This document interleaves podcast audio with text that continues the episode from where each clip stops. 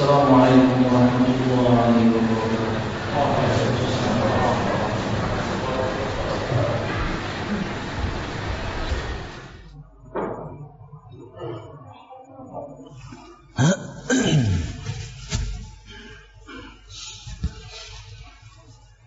إن الحمد لله نحمده ونستعينه ونستغفره ونعوذ بالله من شرور أنفسنا ومن سيئات أعمالنا. من يهده الله فلا مضل له ومن يضلل فلا هادي له. أشهد أن لا إله إلا الله وحده لا شريك له وأشهد أن محمدا عبده ورسوله. قال الله تعالى في القرآن الكريم أعوذ بالله من الشيطان الرجيم. يا أيها الذين آمنوا اتقوا الله حق تقاته ولا تموتن إلا وأنتم مسلمون. يا أيها الناس اتقوا ربكم الذي خلقكم من نفس واحدة وخلق منها زوجها وبث منهما رجالا كثيرا ونساء واتقوا الله الذي تساءلون به والأرحام. إن الله كان عليكم رقيبا. يا أيها الذين آمنوا اتقوا الله وقولوا قولا سديدا. يصلح لكم أعمالكم ويغفر لكم ذنوبكم. ومن يطع الله ورسوله فقد فاز فوزا عظيما. فإن أصدق الحديث كتاب الله وخير الهدي هدي محمد صلى الله عليه وسلم. وشر الأمور محدثاتها فإن كل محدثة بدعة وكل بدعة ضلالة وكل ضلالة في النار أما بعد Hadirin jamaah Jumat rahimakumullah Alhamdulillah segala puji dan syukur marilah kita haturkan kepada Allah Subhanahu wa taala.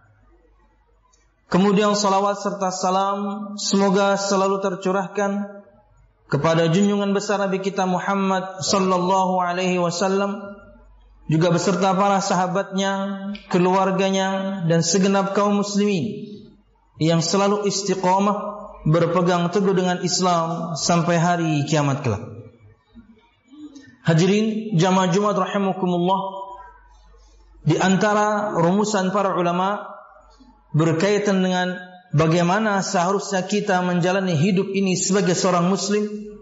Mereka mengatakan bahwasanya unsur agama Islam itu ada tiga. Artinya yang akan ulun sampaikan berikut ini harusnya menjadi pedoman semua kita. Dan ketika kita keluar dari khutbah ini dan Jumatan ini kita tahu seperti ini seharusnya saya sebagai seorang muslim. Disebutkan di antara unsur agama Islam adalah al-istislamu lahu al-istislamu lillahi bit tauhid wal inqiyadu lahu bit ta'ah wal bara'atu minasyirki wa ahli. Unsur agama Islam itu ada tiga. Yang pertama berserah diri kepada Allah Subhanahu wa taala dengan bertauhid. Yang kedua tunduk dan patuh kepada Allah Subhanahu wa taala dengan menjalankan ketaatan. Dan yang ketiga berlepas diri dari kesyirikan dan semua pelakunya. Mari kita bahas satu persatu. Di antara unsur agama Islam adalah al-istislamu lillahi bitauhid. Berserah diri kepada Allah Subhanahu wa taala dengan bertauhid. Muslim itu mengesahkan Allah. Muslim itu mentauhidkan Allah. Muslim itu mempersembahkan semua ibadahnya hanya kepada Allah. Baik itu amal ibadah berkaitan dengan hati, amal lisan, amal anggota badan, maka ia hanya persembahkan hanya untuk Allah Subhanahu wa taala, tidak untuk yang lainnya.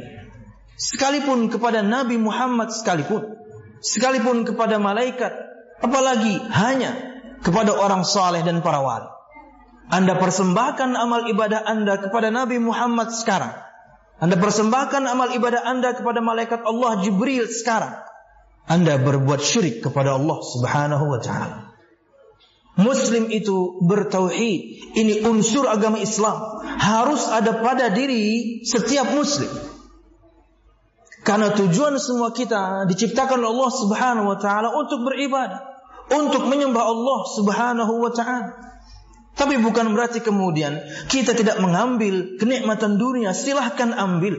Nikmati, no problem. Tapi jangan berlebihan dan jangan membuat kemudian kita sombong akan nikmat tersebut. Allah Subhanahu wa taala berfirman dalam surah Az-Zariyat ayat 56, "Wa ma khalaqtul jinna wal insa illa liya'budun." Dan tidaklah aku ciptakan jin dan manusia kecuali hanya untuk beribadah kepada aku. Bahkan semua nabi dan rasul dakwah mereka sama, yaitu menyeru semua umat manusia untuk mengesahkan Allah, untuk menyembah Allah Subhanahu wa taala. Dalam surah An-Nahl ayat 36, Allah Subhanahu wa taala berfirman, "Walaqad ba'atsna fi kulli ummatin rasulan an i'budullah wajtanibut taghut." Dan telah kami utus pada setiap umat, pada setiap generasi, pada setiap zaman seorang rasul. Agar mereka menyeru kepada umatnya. Sembahlah Allah Subhanahu wa taala saja dan jauhilah taghut semua sesembahan selain Allah Subhanahu wa taala. Dan menyembah Allah Subhanahu wa taala, mempersembahkan semua amal ibadah kita hanya kepada Allah Subhanahu wa taala, mentauhidkan Allah Subhanahu wa taala itu hak Allah yang harus kita tunaikan. Nabi Muhammad SAW mengajarkan kepada seorang sahabatnya dengan nada bertanya, yaitu sahabat yang mulia Muad bin Jabal radhiyallahu anhu. Kata beliau sallallahu alaihi wasallam, "Ya Muad, atadri ma haqqullahi 'ala al-ibad wa ma haqqul ibadi 'ala Allah?" Wahai Mu'ad, tahukah kamu apa hak Allah atas hambanya dan apa hak hamba atas Allah Subhanahu wa taala? Mu'ad bin Jabal radhiyallahu anhu menjawab, Allah wa rasuluhu a'lam. Allah dan rasulnya yang lebih mengetahui. Kata Nabi Muhammad SAW, Hakullah ay ya'buduh wa la yushriku bihi syai'a. Hak Allah itu adalah artinya ini kewajiban kita sebagai seorang hamba Hak Allah adalah agar mereka semua menyembah Allah Subhanahu wa taala dan tidak berbuat syirik kepada Allah Subhanahu wa taala dengan sesuatu apa pun. Ini unsur yang pertama. Muslim itu bertauhid, muslim itu mengesahkan Allah Subhanahu wa taala dalam semua peribadatannya. Amal hati, amal lisan dan juga amal anggota badan. Kemudian unsur agama Islam yang kedua, Al-inqiyadu lahu bitta'ah tunduk dan patuh kepada Allah Subhanahu wa taala dengan menjalankan ketaatan. Muslim itu taat beragama. Muslim itu menjalankan ketaatan kepada Allah Subhanahu wa taala. Allah Subhanahu wa taala berfirman dalam surah An-Nisa ayat 59, "Ya ayyuhalladzina amanu atii'u Allah wa atii'ur rasul" ila akhir ayat. Hai orang-orang yang beriman, taatilah Allah, taatilah Rasul. Perintah dari Allah Subhanahu wa taala untuk kita agar kita mentaati Allah Subhanahu wa taala dan Rasulnya. Dan kita sebagai seorang hamba tidak punya pilihan memang kecuali taat. Dalam surah Al-Ahzab ayat 36, Allah Subhanahu wa taala berfirman, "Wa ma kana lil mu'minin wa la mu'minatin idza qada wa rasuluhu amran khiyaratu min amrihim. Tidaklah patut untuk seorang mukmin dan mukminah jika Allah dan Rasulnya telah menetap, menetapkan satu ketetapan, menentukan satu hukum, mereka punya pilihan lain tentang urusan mereka tersebut. Artinya kita tidak punya pilihan. Ada perintah Allah Subhanahu wa taala, lakukan. Ada perintah Nabi Muhammad SAW, lakukan sesuai dengan kemampuan yang kita miliki. Dan begitu pula sebaliknya. Ada larangan dari Allah Subhanahu wa taala tinggalkan dan juga larangan Nabi Muhammad SAW tinggalkan. Tentunya meninggalkan larangan Allah dan Rasulnya jauh lebih mudah karena tidak ada embel-embel kemampuan berkaitan dengan meninggalkan larangan. Perhatikan sabda Nabi Muhammad SAW berikut.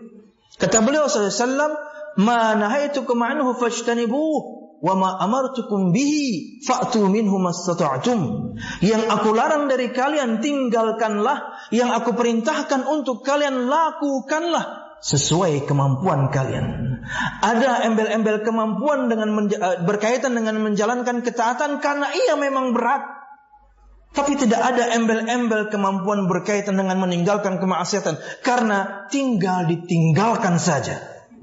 Menjalankan ketaatan butuh motivasi, menjalankan ketaatan butuh semangat, menjalankan ketaatan butuh ilmu dulu. Ada orang subhanallah untuk bangun subuhnya dia menyiapkan empat waker, empat alat entah itu mati atau hidup untuk membangunkannya subuh. Di arlojinya dipasangnya alarm, di handphonenya dipasangnya alarm, di jam dindingnya dipasangnya alarm, istrinya kemudian dia ingatkan, di ingatkan saya. Setengah jam atau sebelum, yakni atau satu jam sebelum, yakni azan subuh, bangunkan saya. Empat dia pasang alarm. Demi untuk bangun subuh. Dan tentunya ini sangat berbeda dengan orang-orang ya. Boro-boro masang alarm. Azan subuh dia dengarkan tapi kemudian dia tidur.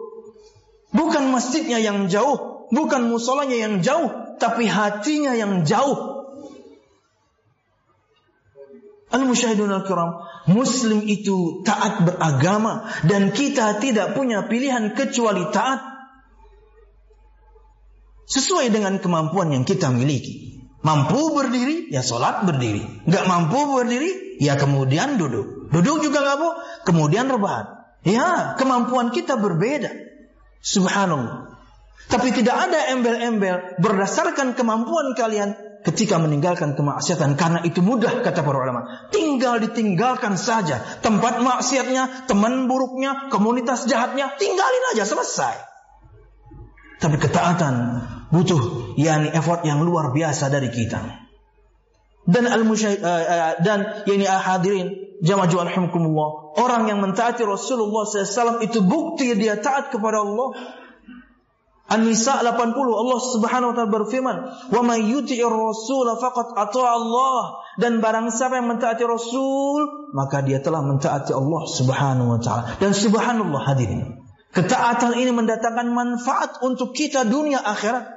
Padahal seharusnya ketika ia adalah sebuah perintah kita lakukan selesai. Tapi tidak. Manfaatnya kembali ke kita.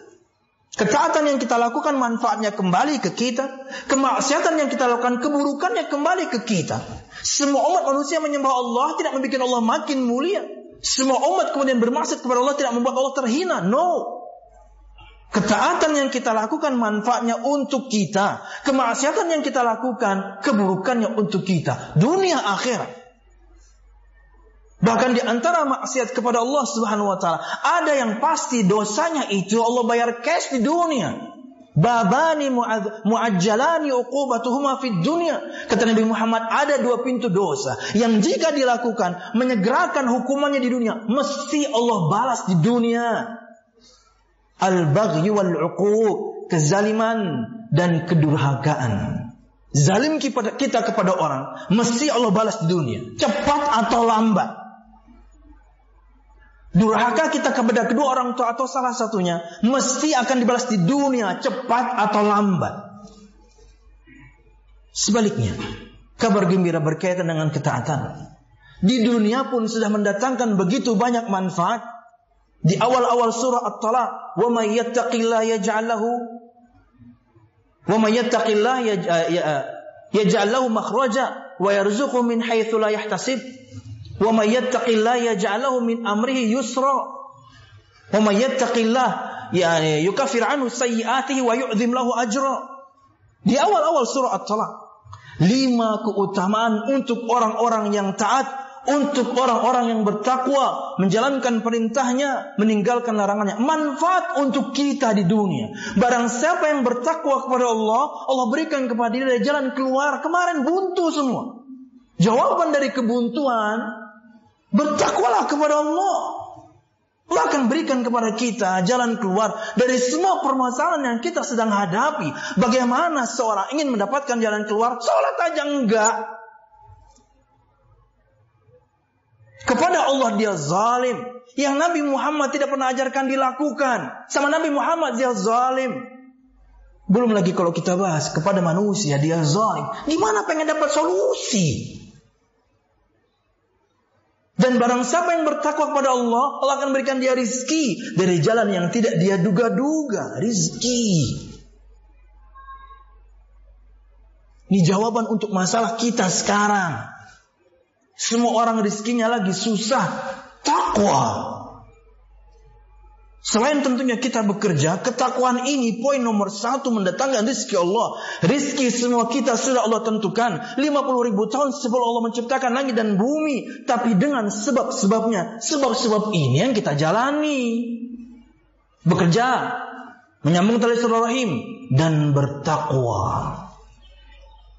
Dan barang siapa yang bertakwa kepada Allah Subhanahu wa taala, Allah akan berikan untuknya Allah akan mudahkan untuknya segala urusannya. Apa pun itu yang sedang kita hadapi. Makanya kita yang sangat butuh dengan salat ini. Begitu ada panggilan, yuk cepat-cepat kemudian jawab. Itulah momen kita mendekatkan diri kepada Allah sehari lima kali. Karena kita banyak masalah. Banyak hal yang buntu di hadapan kita menutupi. Kalau Allah subhanahu wa ta'ala sudah mudahkan, tidak ada yang bisa menghalangi siapa pun orangnya. Siapa pun orang yang berusaha mempersulit urusan kita di dunia. Anda bertakwa kepada Allah, Allah berikan kemudahan dengan caranya. Kita nggak pernah tahu bagaimana. Dan barang siapa yang bertakwa kepada Allah, Allah akan lipat gandakan pahalanya dan menghapuskan dosa-dosanya, kemanfaatan di dunia, belum lagi di akhirat.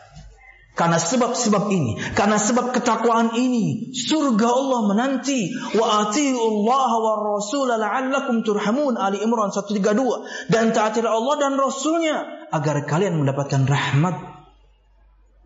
Dan orang masuk surga itu semua kita insya Allah nanti masuk surga. Amin ya rabbal alamin. Karena rahmat Allah. Dan untuk mendapatkan rahmat Allah subhanahu wa ta'ala. Kasih sayang Allah subhanahu wa ta'ala menjadi muslim yang taat beragama.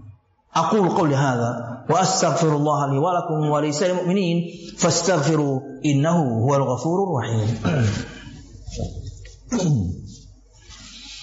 الحمد لله الحمد لله الذي هدانا لهذا وما كنا لنهتدي لولا أن هدانا الله والصلاة والسلام على أشرف الأنبياء والمرسلين محمد صلى الله عليه وسلم وعلى آله وأصحابه أجمعين الذي حارب الباطل وأيد الحق وطمس الرذائل وأحيا الفضائل وتمم مكارم الأخلاق وهدى الناس إلى صراط مستقيم صراط الذين أنعم الله عليهم من النبيين والصديقين والشهداء والصالحين وحسن أولئك رفيقا Hadirin jamaah Jumat rahimakumullah.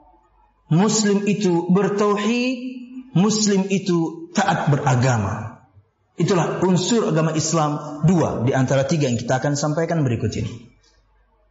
Dan unsur agama Islam yang ketiga, al-bara'atu minasyirki wa ahlih, berlepas diri dari kesyirikan dan para pelakunya. Hadirin jawab-jawab rahmatullah, kesyirikan itu adalah mempersekutukan Allah Subhanahu wa taala dengan yang lainnya, menyamakan selain Allah dengan Allah dalam keistimewaan Allah Subhanahu wa taala. Contoh mudah. Allah istimewa dengan semua asma dan sifatnya. Allah istimewa, Allah As-Sami, Maha mendengar. Allah Al-Mujib, Maha menjawab doa.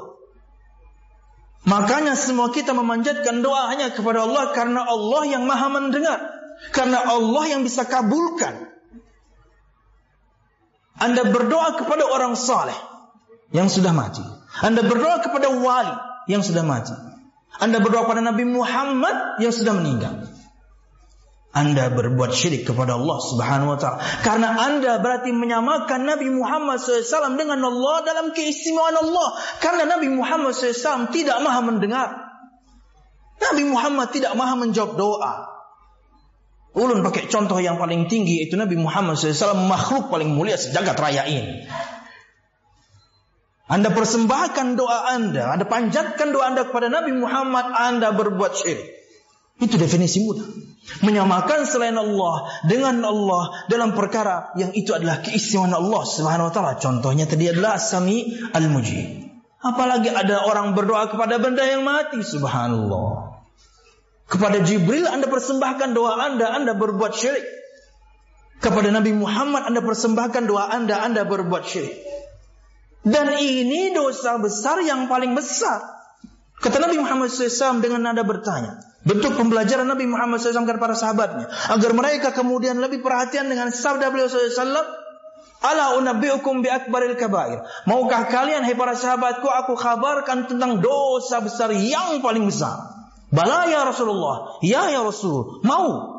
Kata Nabi Muhammad, al-isyraku billah, berbuat syirik kepada Allah Subhanahu wa taala. Muslim itu berlepas diri dari kesyirikan. Muslim itu tidak berbuat syirik. Apalagi misalnya syiriknya syirik yang besar. Dia menghancurkan amal semuanya. Dia mengeluarkan pelakunya dari Islam. Dia mengekalkan pelakunya di neraka Allah Subhanahu wa taala kalau syiriknya besar. Az-Zumar 56 Allah Subhanahu wa taala berfirman, "Walaqad uhiya ilaika wa ilal ladzina min qablika la in asyrakta la yahbatanna 'amaluka wa la takunanna minal khasirin." Dan telah diwahyukan kepadamu dan kepada para rasul sebelum wahai Muhammad SAW. Satu wahyu yang sama. Bahwasanya jika kamu berbuat syirik kepada Allah Subhanahu wa taala, kamu di sini Nabi Muhammad Apalagi kemudian kita. Ancaman untuk orang paling bertakwa sejagat raya ini. Karena kata Nabi Muhammad, atqakum billahi ana, a'mal a'lamukum billahi ana. Orang paling bertakwa di antara kalian saya, orang paling kenal Allah di antara kalian saya paling tahu. Ancaman ini untuk Nabi Muhammad, apalagi kita yang di bawahnya. Telah diwahyukan kepadamu dan kepada Rasul sebelum Muhammad satu wahyu. Jika kamu berbuat syirik kepada Allah Subhanahu wa taala syirik besar, la yahbatanna amalu. Sungguh betul-betul amalmu gugur hancur habis.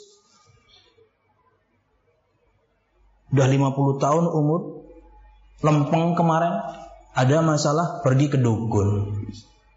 Udah 60 tahun umur, lempeng kemarin, ada masalah pergi ke tukang sihir untuk menyelesaikan masalah. Habis semua amal Anda sejak Anda balik sampai umur 60. Habis semua amal Anda sejak Anda balik sampai umur 50. Ruginya luar biasa. Datang ke dukun doang. Dan sekarang keren-keren dalam bentuk aplikasi. Dan bahkan ada tawaran-tawaran. Masuk ke SMS. Ingin kaya, ingin nyantet orang, pakai SMS sekarang subhanallah. Inti kalau pengen kaya, kaya sendiri aja. Gak usah nawar-nawarin saya. Kaya aja kamu sana sendirian. Nawar-nawarin orang. Ya. Tawaran santet. Sekarang lewat SMS. Subhanallah. Maksudnya mau nyantet orang enggak? Subhanallah. Lebih kurang ajarnya lagi orang-orang seperti ini. SMS masuk dengan nomor tertentu, tapi kemudian mengatakan jika Anda ingin membaca SMS berikut ini, katakan yes. Berarti pulsa kan kita yang tanggung ya. Ulun kira kan perkara penting ya. Mungkin seseorang betul-betul lagi, lagi butuh apa gitu, sedang di mana gitu, sinyal tipis gitu, cuma 2G. Tapi kemudian perlu sesuatu, akhirnya dia SMS, cuman yang bayar yang nerima. Ulun ketik yes, tak tanya tawarannya, Anda ingin pinjaman? Kurang aja. Sudah kita yang bayar, kita yang ditipu pula. Modern sekarang kesyirikannya, tawarannya lewat perkara-perkara yang canggih yang kita hadapi sekarang. Wahai Muhammad SAW, telah diwahyukan kepadamu dan kepada para rasul sebelummu. Jika kamu berbuat syirik kepada Allah, sungguh amalmu semuanya akan hancur. Semua yang belajar bahasa Arab faham bahwasanya lam yang berharokat falas sebelum kata kerja mudhari itu untuk penguat. Bahwasanya nun tasdid fathah setelah kemudian fi'il atau kata kerja mudhari itu untuk penguat. Salah satu saja dipakai cukup. Layah bato akan gugur. Yah batonna akan gugur. Allah pakai depan belakang. Untuk menguatkan. Layah batonna betul-betul sungguh-sungguh. Hancur gugur. Habis semua amal. Kalau syirik kepada Allah subhanahu wa ta'ala wala takunanna minal khasirin. Allah ulang, Allah, Allah ulang lagi. Penguatnya depan belakang wala takunanna minal khasirin. Dan sungguh betul-betul kamu menjadi orang yang merugi. Dan ini yang didakwahkan banyak dai. Tapi banyak orang nggak suka. Bukan orang yang usah, iblisnya nggak suka. Karena target jangka panjang iblis semua kita masuk neraka. Anda bertauhid, oh iblis nggak suka. Anda mengesahkan Allah, iblis nggak suka. Kenapa? Berarti nanti teman dia masuk neraka dikit. Target jangka panjang dia semua kita masuk neraka Allah. Tapi kita sayangkan kaum muslimin ketika ada kajian tauhid, dakwah tauhid, yang secara tidak langsung di saat yang sama pasti mendakwahkan musuhnya yaitu untuk agar kita jauh dari syirik, nggak suka orang. Adalah itulah yang menyelamatkan. Itulah unsur agama Islam. Dan jika seorang wafat dan belum sempat bertobat kepada Allah Subhanahu wa taala, syirik besar tidak Allah ampuni. Di mana dosa-dosa yang lain sebanyak apa pun bahkan disebutkan memenuhi langit seisi bumi, seluas bumi, seberat bumi. Dosa semua, tapi bukan syirik. Kemungkinan diampuni masih luas. Tapi syirik, no, tidak ada ampun. An-Nisa 48 Allah Subhanahu wa taala berfirman, Inna Allah la yaghfiru an yushraka bihi wa yaghfiru ma duna dzalika liman yasha. Sesungguhnya Allah Subhanahu wa taala tidak mengampuni untuk dipersekutukan dengannya. Artinya Allah tidak mengampuni dosa syirik, tidak diampuni kalau mati belum taubat. Lain kalau orang berbuat syirik sebelum mati sempat bertobat, Allah Maha Pengampun sekalipun syirik. Ini yang sampai meninggal dan belum bertobat. Sesungguhnya Allah tidak mengampuni untuk dipersekutukan dengannya. Allah tidak mengampuni dosa syirik.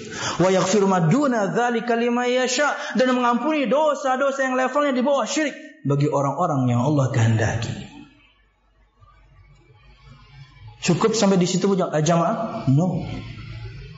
Allah haramkan untuknya surga dan tempat kembali neraka dan tidak bisa ditolong. Al-Maidah 72 Allah Subhanahu wa taala berfirman, "Innahu may yusyrik billah faqad harrama Allahu 'alaihi al-jannah wa ma'wahu an-nar wa ma lidh-dhalimin min ansar." Sesungguhnya barang siapa yang berbuat syirik kepada Allah, maka sesungguhnya Allah mengharamkan untuknya surga dan tempat kembalinya neraka dan tidak ada pertolongan untuk orang-orang yang berbuat zalim yaitu syirik. Siapa pun orang meninggal dengan begitu banyak dosa besarnya tapi bukan syirik, masih sangat mungkin ditolong bisa nabi, bisa rasul, bisa malaikat, bisa orang soleh memberikan mereka syafaat. Ya Allah, ampuni mereka. Kenapa? Mereka orang bertauhid. Cuman iya berdosa besar, iya tapi mereka bertauhid. Kemungkinan mendapatkan syafaat dari orang yang Allah izinkan untuk memberikan syafaat yang tidak berbuat syirik masih luas tapi yang berbuat syirik wa ma min ansar dan tidak ada untuk orang-orang yang berbuat zalim kesyirikan penolong, tidak ada penolong. Muslim itu bertauhid, muslim itu taat beragama, muslim itu tidak berbuat syirik kepada Allah Subhanahu wa taala. Wallahu a'lam bishawab. Dan tentunya jika para pelaku kesyirikan ini adalah orang-orang di sekitar kita, kita harus berlepas diri setelah mendakwahinya. Kita dakwahi akan membahayanya syirik kita sampaikan firman Allahnya, sabda Nabi Muhammadnya, faham mereka, tugas kita selesai, beban sudah kita turunkan dari pundak. Lanjut mereka dengan syiriknya, kita hanya bisa berdoa kepada Allah Subhanahu Mungkin orangnya orang tua kita, mungkin orangnya naudzubillah pasangan kita, mungkin orangnya anak kita, mungkin orangnya teman-teman dekat kita. Dakwahi dan tugas kita hanya menyampaikan, lanjut mereka dengan kesyirikannya, tugas kita sudah selesai. Wallahu a'lam bishawab. Ini bisa saya sampaikan berkaitan dengan tiga unsur agama Islam. Mudahnya adalah Muslim itu mengesahkan Allah bertauhid, Muslim itu taat beragama, dan Muslim itu dia berlepas diri dari kesyirikan dan para pelakunya. Wallahu a'lam bishawab. اللهم اقسم لنا من خشيتك ما تحول به بيننا وبين معصيتك ومن طاعتك ما تبلغنا به جنتك ومن اليقين ما تهون به علينا مصائب الدنيا. ومتعنا الله بأسماعنا وأبصارنا وقواتنا أبدا ما أحييتنا. واجعله الوارث منا واجعل ثأرنا على من ظلمنا. يا أرحم الراحمين. ربنا هب لنا من أزواجنا وذرياتنا قرة أعين واجعلنا للمتقين إماما. ربنا لا تزغ قلوبنا بعد إذ هديتنا وهب لنا lana min ladunka rahmah innaka antal wahhab Allahumma inna nas'aluka husnal khatimah wa na'udzubika min su'il khatimah ya arhamar rahimin Allahumma inna nas'aluka al jannata wa ma qarraba ilaiha min qawlin aw amal wa na'udzubika minan nari wa ma qarraba ilaiha min qawlin aw amal Rabbana atina fid dunya hasanah fil akhirati hasanah wa qina adzaban nar Subhana rabbika rabbil izzati amma yasifun wassalamun alal mursalin walhamdulillahi rabbil alamin Aqimis salat